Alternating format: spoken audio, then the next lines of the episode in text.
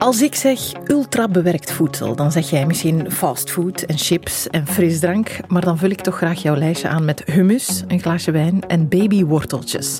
Je eet meer ultra-bewerkt voedsel dan je denkt. En na het luisteren van deze voorproevers of het lezen van Verbeterd Recept van Eva Kestemond, wil je daar mogelijk van af en weet je ook hoe je dat gaat aanpakken. Voorproevers. Eva Kestemond, uh, welkom. Hallo, dankjewel. Uh, je bent journalist gespecialiseerd in, in eten, in onze voeding. We kunnen je kennen van Knak Weekend en nu ook van je boek Verbeterd Recept. Proficiat. Ja, dankjewel. Uh, ik ga meteen de allermoeilijkste vraag stellen waar we eigenlijk al een, een hele aflevering rond zouden kunnen maken. Wat is ultrabewerkt eten? Ik voelde hem aankomen. Mm. Dat is inderdaad de hamvragen. Um, het is een vraag waar dat zelfs voedingswetenschappers over de hele wereld hun hoofd over breken op dit moment. Wij denken inderdaad automatisch aan de fastfood, waarvan je automatisch weet dat is niet zo goed, ik moet er niet te veel van eten. Um, maar eigenlijk kan je ultrabewerkt voedsel uh, snel definiëren als voedsel dat via industriële bewerking is gemaakt in fabrieken en dat lijkt op het voedsel dat je thuis zou maken, maar daar in wezen nogal van verschilt. Die lijken, dat is een belangrijk woord. Want het is iets, ik zou het niet thuis kunnen doen. Mag ik het zo omschrijven? Ja, ja, ja dat klopt. En een eerste um, element dan, waar dat je aan kan denken dat je niet thuis gebruikt, zijn die typische additieven. Hè. Mensen denken heel vaak aan die E-nummers. Um, dat is maar één van de elementen, want ook echt de, de machinale bewerking aan zich zou een van de elementen zijn waarom er vragen kunnen gesteld worden bij ultrabewerkt voedsel. Ja, ja, dus als ik zelf thuis een mayonaise klop, eh, dan doe ik dat op een specifieke, man specifieke manier. Ik doe daar niks bij waardoor het langer bewaart, maar ik maak het ook niet in een grote machine uh, met miljoenen liters tegelijk met bepaalde uh, ja, machines die ook hun verpakkingen hebben en dat soort dingen. Ja, ja, ja, ja, inderdaad. Dus er zijn wel veel verschillen tussen hoe het thuis gaat en hoe het um, in een fabriek gaat. En de gradatie van bewerkt. Je hebt gewoon bewerkt en mm -hmm. dat, dan heb je dat ultra bewerkt. Bijvoorbeeld, misschien moeten we het, het voorbeeld melk erbij halen. Daarvan weten de meeste mensen wel, uh, gepasteuriseerd, dat is verhit, waardoor het veilig is. Mm -hmm. dat, is dat is ook een bewerking. Dat is ook een bewerking, ja. Er zijn heel veel soorten bewerkingen. En lang niet elke soort bewerking heeft een even um, kwalijke invloed op ons, denk ik. Inderdaad, dat pasteuriseren, dat haal je aan. Dat vertel ik ook in mijn boek. Daar kunnen we alleen maar dankbaar voor zijn. Um, ja, anders konden we gewoon geen melk consumeren op de manier waarop we dat vandaag doen. Vroeger was dat echt een zaak van leven op dood, als je dat wou. Um, maar ja, er is ook dan een andere bewerking die mm. gebeurt uh, met melk. Uh, dat is namelijk ja, dat is een, dat is een vloeistof die eigenlijk opgebouwd is uit water en uit vet. En water en vet, dat weet je wel, die stoten elkaar af. Als je soep maakt en je hebt er veel vet in gedaan, dan drijven die vetbolletjes boven. Datzelfde effect, dat gebeurt eigenlijk ook met melk. Maar niet met de meeste melk die wij vandaag kopen, want die is gehomogeniseerd. Dat is een uh, proces waarbij die melk onder hoge druk door een smalle spleet eigenlijk wordt geduwd, waardoor dat die vetbolletjes in de melk verkleinen en zich minder rap gaan afscheiden van dat water. Dus ja, dat is ook een bewerking dat die melk ondergaat. Is dat erg? Dat wil ik zeker niet gezegd hebben, maar dat is wel een bewerking dat we niet, ons niet bewust van zijn. En zo gebeurt dat voor heel veel producten met heel veel verschillende soorten bewerkingen. Ja, ja want waarom is er zoveel ultrabewerkt voedsel?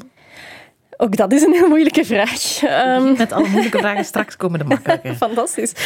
Um, nee, uh, waarom is er zoveel ultrabewerkt voedsel? Ik denk dat dat neerkomt op het feit dat dat voedsel is waarbij dat met weinig foodkost redelijk hoge winsten meegemaakt kunnen worden.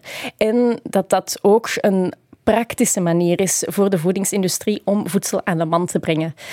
Dus het moet lang bewaren. Dan ja, zitten we bij dat soort inderdaad, dingen. Ja, ja, ja. En het moet, mensen moeten het willen kopen. Er zijn eigenlijk veel redenen voor een fabrikant om een bewerking te doen. Ja, en dus elke, ik denk, je hebt verschillende soorten additieven. Die hebben elk hun eigen uh, rol in een product. Hè. Aan de hand daarvan kan je dat eigenlijk goed, goed laten zien. Sommige additieven worden toegevoegd om producten um, niet te doen schiften. Andere worden toegevoegd om processen in de fabriek beter te doen doorstaan. Want mm. ook dat mag je niet uit, niet uit het oog verliezen. Die um, ja, gaan super lang op een, uh, op een rolband, bij wijze van spreken. Um, ja, je ziet dat in je eigen keuken ook. Hè. Als je bezig bent met eten, dat verandert van kleur, dat wordt slapper. Um, dat gebeurt ook in een fabriek en zelfs meer, omdat het daar ja, over grotere processen gaat, over meer. Um, dus ook daarvoor zijn dan ja, additieven en bewerkingen nodig. En zo ja, kan ik ja, doorgaan. Ik moet de hele tijd denken aan het voorbeeld dat je geeft in je boek over lasagne. Mhm. Als ik thuis een lasagne maak, dan begin ik met een ui en wat look. Uh, als je dat in een fabriek doet, dan ga je niet 200 uh, eh, miljoen miljard uien beginnen schillen. Dan doe je dat met uienpoeder, want dat is makkelijker. Het is dat mechanisme een beetje dat Bijvoorbeeld, die, ja. Ja, ja. die beweging drijft. Ja, inderdaad. En zo, dus eh, er wordt veel minder gewerkt met die ingrediënten dat jij kent, maar er wordt telkens ook vertrokken van al bewerkte producten die dan worden samengebracht. En um, ja, zo'n zo'n fabriek waar dat dan de lasagne wordt samengebracht. Dat heet ook niet de keuken of zo, maar dat is vaak de assemblagelijn. Zo wordt dat soms omschreven. En dat is echt hoe dat het, hoe dat het gebeurt. Mhm. De ene producten komen van, van fabriek A, de andere van B. En dan wordt het allemaal ja, ja, samen tot een coherent geheel gebracht. Waar mijn assemblage begint met wat tomaten en, en die ui en die look, beginnen zij met allemaal producten die op zich al ultra bewerkt zijn. Mhm, ja, ja. Dus zo krijg je een hele keten van die ultra bewerkte producten, waardoor het er heel veel zijn. Uh, een supermarkt, hoeveel procent van de producten in een supermarkt zijn ultra bewerkt? Dat varieert een beetje van supermarkt tot supermarkt, maar uh, ja, tussen 70 en 80 procent kun je wel aannemen. Ja, en dus ik, ik zei al, uh, hummus bijvoorbeeld, mm groentespreads, granola, dan denk je dat zijn op zich gezonde dingen. Ja. maar ook daar wordt van alles mee gedaan. Ja, eerst en vooral moet je je een beetje afvragen van, ja, wat is gezond voedsel? Um, ook dat, ja, dat is zo'n term, dat is eigenlijk net hetzelfde als ultrabewerkt voedsel. Dat, is, dat kan zoveel zeggen. Een appel is gezond, maar, maar alleen maar appels eten is niet zo gezond. Mm um, dus er bestaat ja, ultrabewerkt voedsel dat nutritioneel gezien, en dus dan bedoel ik, uh, als je kijkt naar de samenstelling van uh, vet, suiker, zout, dat best gezond te noemen valt. Maar dan nog moeten we eens kijken naar, ja, maar wat doen die industriële processen juist met dat soort voedsel? Zelfs die gezond ogende granola's, ook daar is het tweede of derde ingrediënt vaak suiker. Ja, of babyworteltjes. Uh, dat zijn van die kleine, schattige, allemaal dezelfde, hetzelfde uitziende worteltjes. Ja. Uh, ook dat is op zich een ultrabewerkt product vaak. Ja, ook daar, daar zullen verschillende productiemethoden voor zijn. Ook dat is een bemoeilijkende factor trouwens bij de definiëring van ultrabewerkt voedsel. dat jij moet aanbrengen. Verschrikkelijk. Oh nee, alleen niet verschrikkelijk, maar het is... Ja, het is moeilijk om uitspraken te doen, omdat er natuurlijk heel veel supermarkten met heel veel producten en heel veel mensen. Ja, inderdaad. Maar inderdaad, die babyworteltjes, dat is wel een leuk verhaal. Die komen niet natuurlijk als ze van die kleine, schattige, ronde, perfecte vormpjes uit de grond. Hè. Die komen uit de grond als gewoon japen van wortels. En die worden dan in een fabriek um, geschild en in die mooie uh, uniforme vormpjes verwerkt, inderdaad. Terwijl nu jij dat zegt uh, hier, dan denk ik veel mensen denken, ah, natuurlijk, die zien er allemaal hetzelfde uit. En hoezo zouden die zo uit de grond komen? Maar als die daar zo liggen, dan denk je daar niet over na. Dan denk je, ah, goed, wortels. Dat is zo. Ja. Ik heb zelf ook nog constant van die momenten dat ik zeg, ah ja, Ah ja, natuurlijk. Um, onlangs zocht ik nog naar Rome in de supermarkt en ik had al verschillende keren gezien, ah ja, daar zit uh, stabilisator bij. Oké. Ehm, maar nu heb ik daar eens wat dieper onderzoek naar gedaan en ik vond echt in bijna geen enkele supermarkt room zonder stabilisator. En dat is dan zo echt een basisproduct. Mhm. Dus ik, zelfs, zelfs ik, die al zoveel onderzoek erover heeft gedaan, um, ja, ik, ik heb om de zoveel tijd nog uh, ja. Van die aha-erlebnissen. Ja, ja, ja, er valt eh, veel over te zeggen. Nu is het ook wel zo, in, we worden er ook wel mee om de oren geslagen. Ik ging uh, mijn boodschappen, ik zal niet zeggen waar, ophalen. Um, en ik kreeg een gratis pakket, mm -hmm. um, back-to-school box-achtig iets. Ja. En daar zitten, laten we zeggen, twaalf producten in. En dat zijn allemaal ultra bewerkte. Ik, want ik, was al, ik had al de Eva Kestmond reflex, had ik al. Dus dan draaide ik alles om en ging labels lezen. Um, Ja, dan, dan zie ik... ja, dat heb ik dan maar zo genoemd. Maar, en dan dacht ik, ah ja, de, de promoties en de gratis dingen, want daar zit dan een mhm. boekje bij met, uh, met coupons of uh, met kortingsbonnen. Dat zijn ook allemaal de, de ultrabewerkte. Ja, ja, ja, klopt. Dat wordt continu gepromoot. Um, er is onderzoek gedaan, het precieze percentage ontglipt mij nu even, maar het percentage uh, kortingen voor verse voeding, dat, is echt, dat valt in het niks. Mm. Um, dat maakt deel uit van de grote marketingstrategie die dat ultrabewerkt voedsel nodig heeft. Dat is, dat is één tak van die, de wetenschappelijke definitie dan. Die, dat, dat is echt een, ja, dat soort voedsel steunt daar echt op. Heeft dat echt nodig. Die, die blitse verpakkingen, ja, dat, dat soort voedsel verkoopt minder goed zonder het praatje er rond. Ja, ja. want uh, we zeiden al, sommige dingen uh, lijken gezonder. Of, of hè, bijvoorbeeld met die humus, als we het daarover hadden. Mhm. Maar sommige verpakkingen schreeuwen ook naar mijn hoofd dat het gezond is en mhm. traditioneel en op grootmoeders wijze, alsof het wel in zo'n keuken uh, gemaakt is. Worden we misleid de hele tijd? Ik denk dat je dat wel kan zeggen. Ja, er is. Um, er zijn bepaalde wetgevingen. Hè, voor, er zijn heel veel wetgevingen voor um, wat er op verpakking moet van voedsel. Laat dat duidelijk zijn. Maar er valt zeer creatief mee om te gaan. En inderdaad, ja, iets als op grootmoeders wijze, dat is niet wettelijk bepaald, dus dat mag op elke verpakking staan. Ik mag iets maken en mezelf grootmoeder noemen, bij wijze van spreken. Maar een fabriek mag dat ook. Mhm. Ehm, en is dat misleiding? Ja, dat, dat denk ik wel. Hè. Vooral goed, op grootmoederswijze kan je misschien nog over discussiëren. Maar als het gaat over gezondheidsclaims, dan valt daar een stevige ehm, maar bij te zetten, denk ja. ik. Die gezondheidsclaims die staan altijd op de voorkant uh, van de verpakking. Mhm. Ik zei het al, de Eva Kestemond-reflex zorgt dan dat je dat omdraait. Daar is wel wat een, een ander verhaal. We hadden het daarnet al heel kort even over die E-nummers. Mm iedereen kent ze wel. Hè. De specifieke nummers kennen we niet, maar als we een E zien staan, dan zijn we wat op onze hoede. Ja. Um, dat, dat zijn E-nummers omdat daar reglementering rond bestaat, of hoe zien we dat? Ja, dat zijn uh, producten die zijn goedgekeurd om te gebruiken in Europa in voedsel. Um, dus die zijn heel goed onderzocht.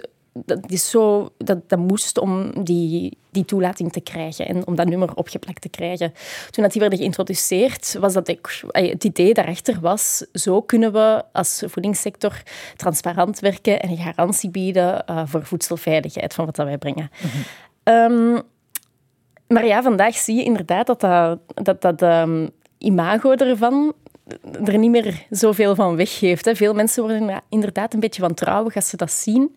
En daarom de voedingsindustrie die beseft dat ook uh, steeds meer. Mm En zij willen eigenlijk die E-nummers zo'n beetje ja, het wordt wat wegges... Want ik, ik was uh, alle verpakkingen dan in de kast maar aan het bekijken. En bijvoorbeeld kwam ik bij de uh, supergezonde babykoekjes die ik koop uh, voor mijn kindje. Ja, en dan staan daar woorden op als rozemarijnextract en mm bietensap. Mm Toen ik dat de eerste keer las, toen ik dat de eerste keer kocht, dacht ik, ah goed, daar ja. zitten niet van die E-dingen in. Dus ik ben supergoed aan het zorgen voor mijn kind. Mhm.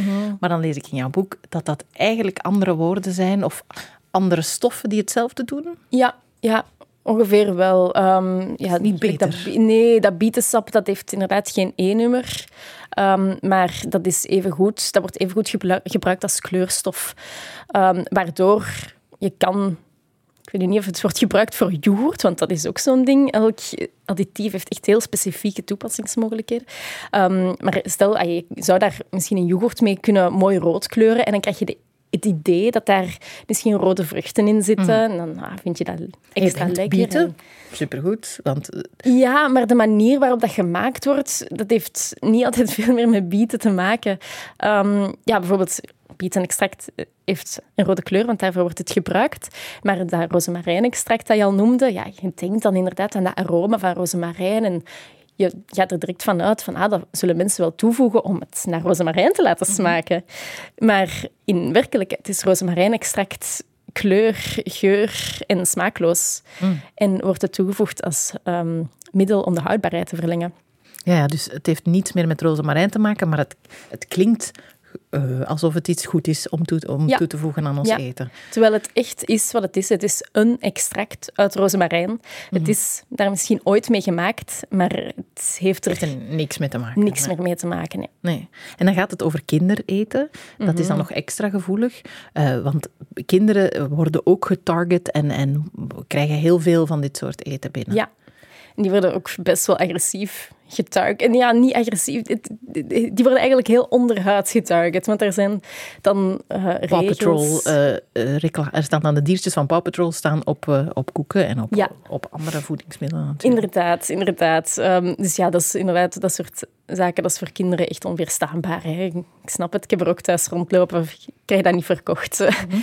Maar um, ja, die, en ze krijgen het ook overal aangeboden. Elke elk moment om zo'n beetje in de watten te leggen of zo, dat staat gelijk met um, vaak ultrabewerkte producten. Ze zijn daardoor ongeveer de hoogste consumenten ervan. Um, eten ook het meeste suiker van iedereen, die kleine kinderen, waar je dan inderdaad op het andere moment zelf je groentjes en zo voor staat te koken.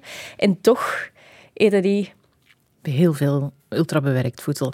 Bij veel baby's begint het zelfs al met, met kunstvoeding. Ja. Uh, is op zich ook een ultrabewerkt voedingsmiddel. Dat is eigenlijk een heel mooi, heel mooi voorbeeld van ultrabewerkt voedsel. Maar inderdaad, dat is iets waar we niet bij stilstaan. Hè. Maar dat, dat wordt gemaakt van koemelk, uiteraard, dat is de bron, maar dat wordt niet alleen gedroogd en in poedervorm uh, gemaakt, want dan zou dat niet, niet geschikt zijn voor mensenbaby's om te drinken.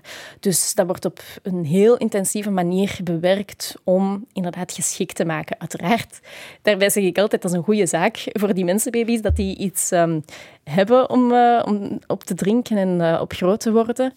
Um, maar ik heb het toch in mijn boek opgenomen, omdat dat omdat ik ook daar verschillende mechanismen zie, die dat ik ook zie bij um, de verkoop van pizza's enzovoort. En mhm. zelfs ja, als het dan gaat over die marketing, um, op, ja, als je kijkt naar die poedermelk, je bent er waarschijnlijk ook enkele jaren geleden mee bestookt. Echt heel subtiele reclame die je niet per se herkent als ouder als reclame. Je denkt, ik krijg hier cadeautjes. Je krijgt cadeautjes of, nog erger, informatiebrochures over, dan over borstvoeding. In het ziekenhuis ook, ja, ja, ja. Ja, het is echt overal. Um, en je krijgt ook constant... Um, van die blogs te zien van hoe zwaar het is om borstvoeding te geven. En dan staat dat te lezen op de site van een, uh, van een hmm. producent van, van kunstvoeding. Ja, zijn dat dan, want het gaat nu al wat, wat over marketeers en mhm. over, uh, in jouw boek gaat het ook over lobby's en over uh, speculanten. Het lijkt soms bijna een maffia-verhaal. Oh, dat wordt ik niet in de mond durven. Hoewel, ja, er is voedingsmafia, maar dit is denk ik een ander verhaal. Ik geloof niet dat mensen die ultrabewerkt voedsel maken, per definitie, dat die, dat die een, een samenzwering of zo tegen de mensheid leiden. Integendeel, ik denk de meeste mensen die ik heb gesproken zijn mensen met goede bedoelingen. Um, maar ik denk wel dat je kan zeggen dat ook bij ja, die, ook bij mensen die echt elke dag in die sector werken, dat er niet per se veel um, bewustzijn is over de gevolgen van hun producten. Mhm. En dat is overal nog niet. Dat, dat, wetenschappelijk onderzoek is ook nu pas allemaal aan het uitkomen. Um, is het, dat is dan misschien de hoofdvraag. Is het slecht voor ons? Ha, ja, dat is de vraag. Er is, er is nog geen wetenschappelijke consensus over alles. Maar er is wel heel veel onderzoek dat aan het uitkomen is, waardoor um, ja, er is duidelijk, er rookt iets, maar we zien nog niet precies waar het brandt. Een van de zaken waar wetenschappers wel hun hand voor in het vuur durven steken, is dat een hoge consumptie van ultrabewerkt voedsel overgewicht en obesitas in de hand werkt. En ja, in tijden van vandaag, waarin dat bijna de helft van de Belgen overgewicht heeft, is dat iets wat dat je niet zomaar naast je neer kan leggen. Um, zeker als je ziet naar de hoge gezondheidskosten die dat met zich meebrengt en de, de effecten die dat heeft op mensen persoonlijk. Um, het zijn zoveel gevolgen alleen al daarvan dat ja, dan, ja, dan gaat het echt over dat ultrabewerkt zijn op zich. Uh, ik herinner me een experiment, misschien moet jij het uitleggen, waarbij de vergelijking... Want je denkt, ah, ultrabewerkt, daar zal wel meer suiker en vet in zitten, maar daar gaat het niet over. Hè? Nee, dat werd inderdaad heel lang gedacht. Van, ah ja, dat is allemaal slecht, natuurlijk, want er zit meer vet, suiker, zout in. Dat is zo de heilige drievuldigheid van... Uh, de goede dingen zeggen ze dan eerst, en dan, maar dan de slechte dingen. Ja, voilà. we weten, dat is niet goed voor ons. Hè. Maar um, ja, er was een wetenschapper, Kevin Hall heette die, en die was daar ook van overtuigd. En die wou met een bepaald experiment, wou die aantonen, wat die dat for once and for all bewijzen dat het daardoor was en hop gedaan met te hijsen over ultrabewerkt voedsel. Dus wat deed die? Die, um, splitste, uh, die, die volgde twee groepen mensen. Um, en hij gaf de eerste groep twee weken lang ultrabewerkt voedsel te eten, alles uh, ultrabewerkt. En de uh, tweede groep, daarvoor maakten ze in het labo alles zelf. Maar de maaltijden en alle snacks en zo die ze kregen, waren wel nutritioneel gezien, dus hè, dat vet, zout, suiker, vezels enzovoort, dat was helemaal gelijk. Ja, dus zo dat um, calorietabelletje op de achterkant ja, dat, van heel het experiment, dat klopte voor de twee groepen, ja, dat was hetzelfde. Ja, inderdaad. Ja. De um, deelnemers van het onderzoek gaven ook aan dat ze het allebei even lekker vonden. Dus bewerkt of onbewerkt, Um, was even lekker. Maar toch kon Kevin Hall zien dat de mensen in de eerste groep elke dag 500 calorieën meer aten. En na twee weken draaide hij de boel om en kreeg de eerste groep onbewerkt te eten en de tweede groep um, uh, ultrabewerkt. En daar zag je dezelfde mechanismen. En de mensen uit de tweede groep aten elke dag ongeveer 500 calorieën per dag meer dan de mensen in de eerste groep, waardoor zij met meer kilo's op de teller eindigden dan de andere. En de eerste groep die was weer afgevallen naar hun begingewicht. Maar die waren dus, als ik vergeet te zeggen, na die eerste twee weken um, bijgekomen en daarna weer um, afgevallen. Ja, ja, dus dat ultrabewerkt eten, we eten daar meer van. Ja. Dat is, bij, dat is in dat experiment uh, aangetoond. Ja, inderdaad. Dus je eet daar, dat is ook ontworpen om ervoor te zorgen dat je niet kan stoppen met eten. Dat is ook een deel van, van wat bedrijven doen, toch? Ja, inderdaad. Die um, doen heel doorgedreven onderzoek naar manieren om je voedsel zo goed mogelijk te maken. En goed mogelijk voor hen, ja, dat is zodat mensen er inderdaad meer van gaan eten. En um, er is een term, de zogenaamde bliss point, is dat. En dat is um, dat wordt gebruikt om te benoemen waar dat vet, zout, zoet en uh, textuur op zo'n manier fantastisch samengaan dat je gewoon ja, dat soort voedsel krijgt dat je niet kunt wegleggen. En het typisch voorbeeld daarbij is die zak chips. Ja. die is leeg, ja. Ja, die, is leeg. Die is leeg, ja. Um, maar dat, datzelfde mechanisme dat je gewoon niet kunt stoppen met eten, zelfs al denk je rationeel gezien, ik zou beter even wegleggen. Ja. ja. of ik heb genoeg zelfs. Um, er zijn ja, systemen in dat soort voedsel waardoor dat, dat um, signalisatiesystemen van je lichaam eigenlijk omzeilt. Um, met, uiteraard kun je ook overeten met zelfgemaakte lasagne. En mm. uiteraard doet je dat ook, want dat is gewoon kei lekker. Ja, als die goed genoeg gemaakt is natuurlijk, ja, dan, dan is die super lekker. Ja, ja, ja. Daar gaan we vanuit. Maar, maar gemiddeld... Maar, ja, het is toch het werkt toch nog op een andere manier, uh, blijkbaar. Ja. Nu hebben we het, uh, en zo gaat het vaak als het over voeding gaat, hebben we het over uh, wat wij kunnen doen en hoe dat voor ons persoonlijk en dat overgewicht dat het, dat het met zich meebrengt. Maar het, het zorgt ook voor problemen. Ja, je zegt ergens, het heeft een link met ongeveer elk wereldprobleem, dat ultrabewerkt eten. Ja, als schrijvende aan mijn boek had ik wel dat idee. Nu goed, dat is misschien wat elke schrijver die een boek maakt denkt, maar ik, ik uh, zag het al wel, ja. En dan ja, een van die grote gebeurtenissen die nog aan het nahebben was tijdens dat ik mijn, uh, mijn boek begon, was die inval in Oekraïne. Um, waar dat als gevolg was dan een wereldwijde graancrisis. En um, ja, dan begin je te denken, ja, maar hoeveel granen eten wij eigenlijk? En waarom eten wij zoveel granen? En in welke producten zit dat dan allemaal? Uiteraard beter granen via brood. Maar ook in heel veel ultrabewerkte producten zitten granen. En dan denk je, dan zouden we ook zoveel nodig hebben als we minder ultrabewerkt voedsel aten.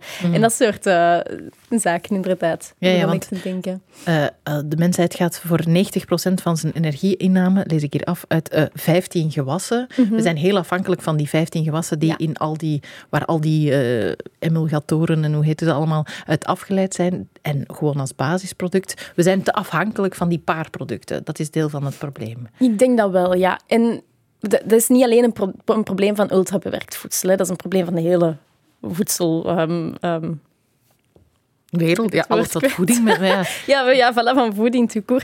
En sowieso in die 15 producten zitten echt, dat is zogenaamde uh, staple foods, dus basisvoedsel, um, wat dat in elke um, voedseltraditie wordt gegeten. Hè. Mm. Um, dus ja, wij eten echt van oudsher ook wel veel uh, graanproducten. Dat soort voedsel zit daar ook in. Maar er is inderdaad veel meer voedsel eetbaar dan dat alleen, en dat zou denk ik ook zelfs een heel goede zaak zijn als mensen een heel divers uh, palet binnenkrijgen van smaken, van ook die stoffen die dan in, dat, in die verschillende soorten uh, voeding zitten. Um, maar ja, mede door telkens wereldwijd ook overal diezelfde producten te krijgen, wordt dat Mhm. Heel beperkt. Ja, want dan zit je bij biodiversiteit ook voor de wereld en voor de, de grond en voor de dieren is dat belangrijk. Maar je komt bij voedselverspilling kom je uit. Maar het gaat ook over hoeveel boeren er niet stoppen. Uh, op kort, op, uh, ik ga het ook aflezen. Op 15 jaar tijd stopten er in Europa 5 miljoen boeren. Dat mhm. kan je je niet inbeelden. Um, het, het reikt echt de ja, alles wordt aangeraakt. Ook het klimaat uh, is een belangrijk stuk van dit verhaal. Um, op een bepaald moment, in je boek zeg je het zelf ook, je zou er bijna moedeloos van worden. Want het is overal, het is, super of het is niet super lekker, maar je kan niet stoppen met ervan te eten.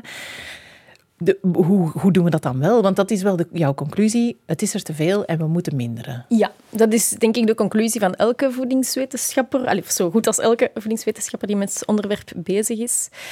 Um, we eten er te veel van. Hè ik denk zo af en toe um, een zak chips opentrekken. Ik denk niet dat dat het fundamentele probleem is. Maar het feit dat we echt maaltijd na maaltijd um, dat soort voedsel binnenkrijgen, ja, dat zorgt wel op termijn voor grote problemen die we ook niet hebben kunnen aanraken. Maar allee, kankers, allerlei welvaartsziekten, dementie, depressies liggen allemaal op tafel. Ja, een bankkaart aan microplastics die je binnenkrijgt elke, elke week. Ja, het, het, gaat heel ver uh, wat de impact ervan kan zijn. Ja, ja. In, in mijn boek schets ik drie scenario's. Hè. Ze zijn lang niet allemaal even realistisch of zo, of voor de hand liggend, maar ik wou ze toch maar eens uitgeschreven hebben. Het eerste is denk ik, ja, als we voortgaan zoals we bezig zijn op dit moment, uh, wat gebeurt er dan? Um, ik denk sowieso dat de voedingssector, ja, die gaat bepaalde uitdagingen hebben en ze gaat om bepaalde zaken niet omheen kunnen. Um, er wordt nog altijd heel veel gedacht over voedsel, uh, als in dat traditionele uh, opvolgingetje van vet, zout, zoet, dat dat allemaal niet goed is voor ons. En voedingsproducenten zijn echt heel hard aan het werken, ook op dit moment al, om dat naar omlaag te krijgen. Dat is een goede zaak, denk ik.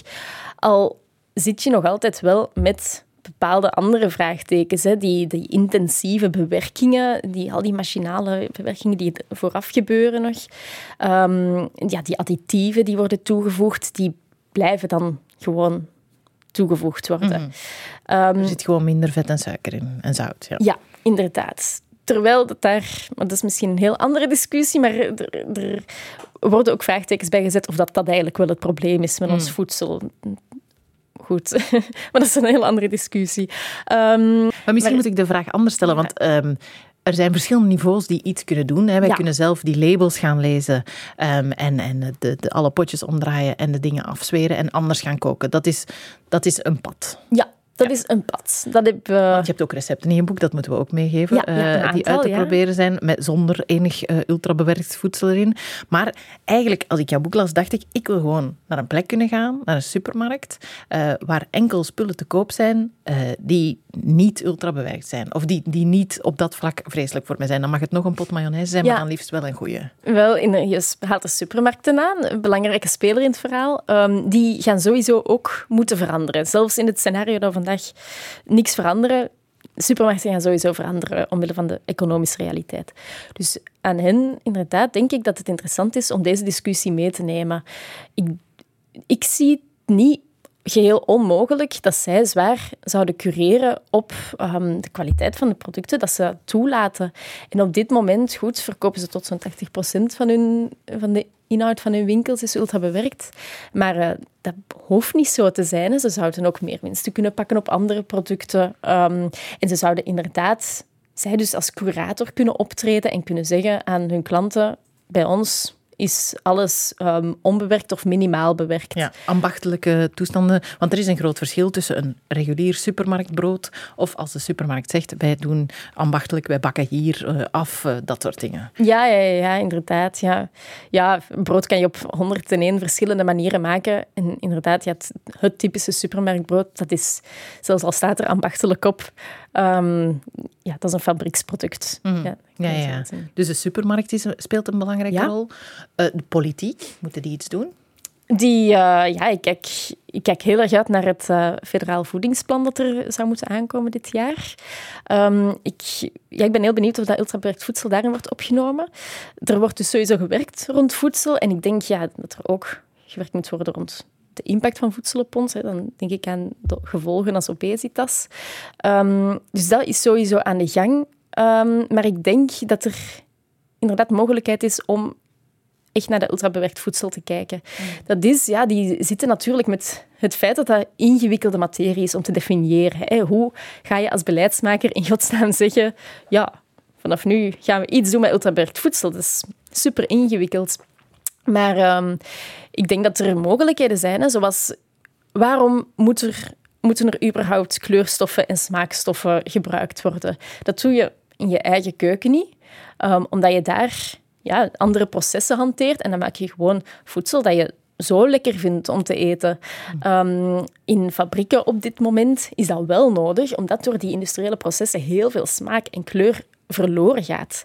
Dat er misschien ooit wel in zat in hun producten, maar ja, om dat verkocht te krijgen, om dat aantrekkelijk te krijgen, dat eten, moeten ze dat toevoegen op de manier waarop ze vandaag werken. Mhm. Ja, wat als je dat aan banden zou leggen eventueel, ja, dan worden die fabrikanten bijna verplicht om hun productieproces onder de loep te gaan nemen en misschien van de start een kwalitatiever product te gaan afleveren, mm. dat minder van die labmiddeltjes nodig heeft. Ja. Um, dat is er. Ik denk, ja, de politiek is heel hard aan het kijken naar de Nutri-score. Um, maar dat zegt iets over voedsel in ja, zo dat typische klassieke denkkader. Hè. Dat gaat over de nutritionele samenstelling, over hoeveel vezels bevat het, hoeveel vet, hoeveel zout, hoeveel suiker. En dat kijkt niet naar hoe dat, dat is um, gemaakt. Ja, dus het kan Nutri-score A hebben en toch ultra bewerkt zijn en eigenlijk helemaal niet zo, niet zo goed voor mij. Ja. Dus een, een label dat daar uh, op wijst. Ultra bewerkt staat ook niet apart in een voedingsdriehoek of in een omgekeerde voedingsdriehoek nee. ondertussen. Dat soort dingen. Het is, veel komt ook neer op kennis. Ik heb heel veel geleerd uit jouw boek. En ik heb heel erg onthouden uh, dat als je meer leert over wat je eet, dat dat lekkerder wordt. Als je weet, dat komt van bij die boer en ik heb, uh, dat is daar uit die grond gekomen, dan ga je daar met meer zorg mee om. Dat is, ja, toch? Ja, dat is echt zo. Dat, dat herken ik heel erg. Um, maar het omgekeerde is ook waar. Als ik meer leer over hoe fabrieksvoedsel gemaakt wordt, uh, dan eet ik er minder van. Want dan weet ik dat er een schimmelproces van melasse nodig is om, om een, een of ander zuur te maken. En dan denk ik, of dan zit dat er iets van haar in brood zit. Dat klinkt allemaal minder smakelijk als um, het komt hier uit de grond en smakelijk. Ja. Is kennis het allerbelangrijkste? Ja en nee, want ik zou er ook geen individuele verantwoordelijkheid van consumenten van willen maken. Um, dat is voedsel nu al vaak genoeg. Hè. Het is uw probleem uh, als je niet gezond, als je niet de kennis hebt of niet de toegang tot gezond voedsel. En het is dan ook maar uw probleem als je ja, iets als obesitas ontwikkelt of een andere voedselgerelateerde ziekte. Ik, dat discours, ik hou er niet zo van, moet ik zeggen, want het gaat veel verder dan individuele keuzes alleen. Natuurlijk kunt u in de huidige voedselomgeving wapenen door die kennis op te doen en goede boeken te lezen. Sorry. Maar um, ja, het gaat veel verder dan dat. Hè. Ja. Maar de politiek moet ook die kennis opdoen en de, uh, al iedereen moet, uh, moet meer erover weten en er meer aan doen. Dat is sowieso een goed begin. Dus ik ben, ik ben heel benieuwd wat dat de wetenschap ook nog uh, verder gaat onthullen. Hè. Want ja, die zijn die zijn zeker ook nog niet klaar met hun werk. Nee. En uh, mensen die er nog niks over weten, die kunnen beginnen uh, bij jouw uh, boek natuurlijk. Hè. Verbeterd recept. Wat die titel betekent, hebben we niet gezegd, maar is misschien goed. Dan moeten mensen het ontdekken in jouw boek, Eva voilà. Dank je dankjewel. Graag gedaan. Dankjewel dat ik mocht komen. Met plezier.